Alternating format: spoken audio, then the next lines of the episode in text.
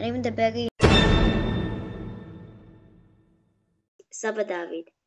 אוקיי. סבא, מה המנהגים שלכם?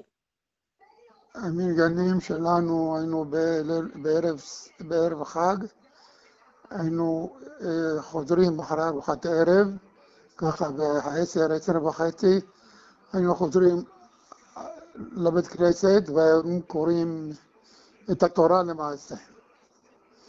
היינו קוראים אה, אה, את, אה, כל חמשת חומשי תורה, הכתובים, ערך תהילים, כל הדברים, היינו קוראים כל דבר קצת קצת קצת, כאילו היינו מסיימים את התורה. ובדיוק היינו נפגשים עם שחרית.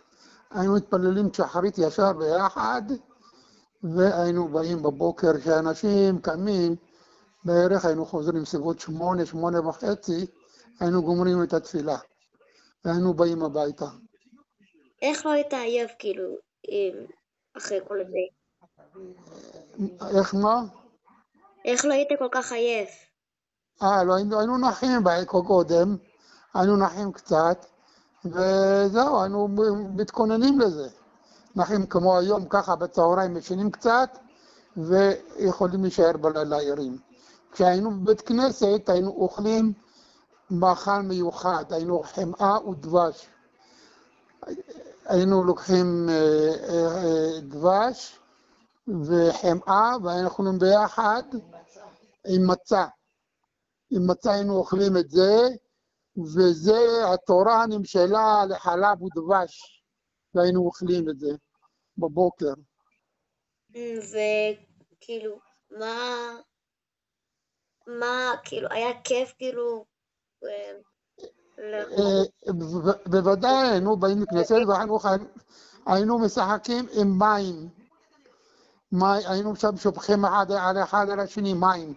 היינו ממלאים שקיות ניילון, ששמים את הסנדוויצ'ים, ממלאים אותם מים וקושרים, ומי שעובר טראח זורקים עליו, קוראים בול. היינו מרטיבים, למה? מלחמת מים. כן, זה חג המים, בדיוק. המים היה כמו, זה כאילו שהתורה זורמת כמו מים. אה.